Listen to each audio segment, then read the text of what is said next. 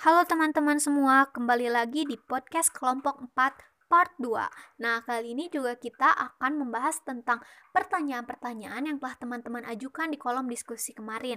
Nah, kali ini yang akan menjawab pertanyaan-pertanyaannya adalah Wafa dan Aulia Silmi.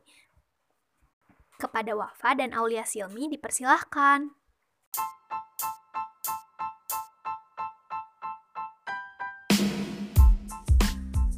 Halo semuanya, Perkenalkan, saya Wafa Amalia Fitriani. Di sini saya akan menjawab pertanyaan nomor 7 sampai dengan nomor 9.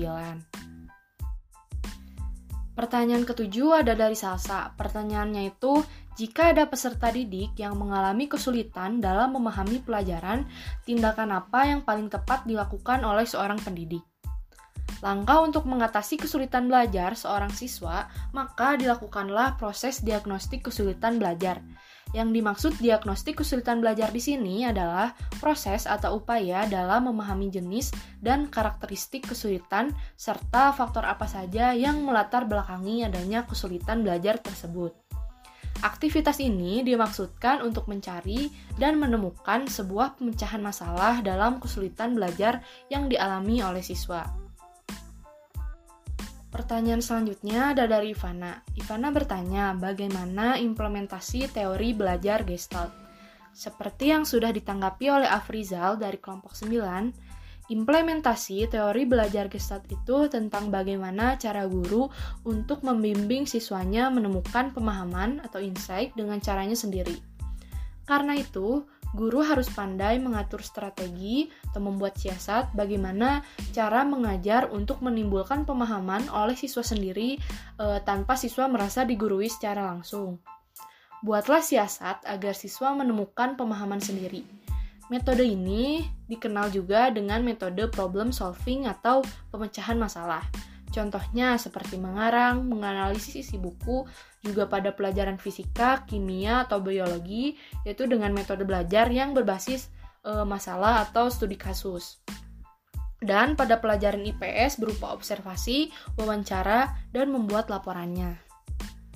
Selanjutnya untuk pertanyaan 9 ada dari Diansyah. Pertanyaannya, jelaskan apa yang dimaksud dengan ciri-ciri perubahan yang bertujuan dan terarah. Individu melakukan kegiatan belajar tentu pasti ada tujuan yang ingin dicapai, baik tujuan jangka pendek, jangka menengah, maupun jangka panjang. Misalnya, seorang mahasiswa belajar psikologi pendidikan. Tujuan yang ingin dicapai dalam jangka pendek mungkin dia ingin memperoleh pengetahuan, sikap, dan keterampilan tentang psikologi pendidikan yang diwujudkan dalam bentuk lulusan dengan memperoleh nilai A. Sedangkan tujuan jangka panjangnya, dia ingin menjadi guru yang efektif dengan memiliki kompetensi yang memadai tentang psikologi pendidikan. Berbagai aktivitas dilakukan dan diarahkan untuk mencapai tujuan-tujuan tersebut. Mungkin cukup sekian dari saya. Untuk tiga pertanyaan terakhir akan dilanjutkan oleh Aulia Silmi. Terima kasih.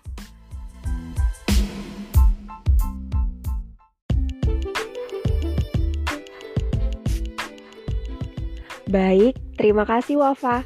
Saya Aulia Silmi akan menjawab tiga pertanyaan terakhir dari teman-teman semua. Pertanyaan ini diajukan oleh Cantika, yaitu dalam ciri-ciri belajar yang ada dalam PowerPoint kelompok 4 bahwa ada perubahan secara permanen. Boleh dijelaskan perubahan tersebut seperti apa? Pertanyaan ini ditanggapi oleh Nisrina dari kelompok 9. Hasil belajar merupakan hasil yang permanen. Jadi, orang dikatakan belajar jika dia memperoleh perubahan tingkah laku yang sifatnya permanen atau bertahan lama. Misalnya, seorang mahasiswa yang belajar tentang komputer, kemudian dia bisa mengoperasikan komputer, kemampuan tersebut selanjutnya bertahan untuk waktu yang lama. Nah, pertanyaan selanjutnya diajukan oleh Dian Fahira. Pertanyaannya, dalam ciri-ciri terdapat perubahan yang bersifat permanen. Apakah seorang guru itu mampu membuat perubahan pada siswa secara permanen? Jika iya, bagaimana caranya? Jika tidak, mengapa demikian? Sejatinya, seorang guru itu adalah digugu dan ditiru untuk semua perbuatan dan perkataannya. Seorang guru bertugas untuk mendidik dan mencerdaskan setiap murid yang diajarinya. Perubahan baik itu ada saat proses belajar mengajar. Tetapi, semuanya kembali lagi ke anak didik tersebut. ia mau atau tidak berubah ke arah yang lebih baik. Kalau ia tidak mau, tentunya perubahan secara permanen itu tidak dapat terjadi. Karena harus ada timbal balik dari didikan guru dan sikap anak didik tersebut. Nah, pertanyaan terakhir datang dari Ambar. Pertanyaannya, telah disebutkan bahwa dalam teori belajar terdapat teori behavioristik. Lalu, bagaimana implementasi dari teori belajar behavioristik di dalam dunia pendidikan? Implementasi teori belajar behavioristik dalam dunia pendidikan ini, misalkan seperti penerapan hukuman membersihkan halaman bagi siswa yang datang ke sekolah terlambat terlepas apa pun alasan yang mendasarinya. Sekilas, teori ini cukup menakutkan karena penekanan prinsip pemberian hukuman. Untuk kondisi dan tujuan tertentu, teori ini dianggap merupakan pilihan metode pembelajaran yang tepat dan dianggap mampu menghasilkan output yang diharapkan. Pertanyaan ini ditanggapi oleh Neng Intan. Dalam teori belajar behavioristik, landasan utamanya ialah input kepada siswa yaitu stimulus dan output yang berbentuk respon. Dalam teori ini, landasan berpikir yang sangat mendasar nantinya digunakan untuk beraksi. Hal tersebut juga bisa dijadikan sebagai seseorang untuk tidak melampaui batas dan sebagai sistem etik pembatas diri. Contoh implementasi dalam dunia pendidikan ialah dalam proses pembelajaran, di antaranya group investigation, problem-based instruction, inquiry, model pembelajaran perubahan konseptual, model pembelajaran reasoning, dan problem solving.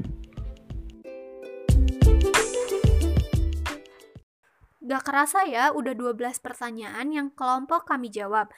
Nah, mungkin cukup sekian yang dapat kami sampaikan. Semoga tanggapan-tanggapan yang kami berikan dapat menjawab pertanyaan teman-teman semua. Sampai bertemu lagi. Assalamualaikum warahmatullahi wabarakatuh.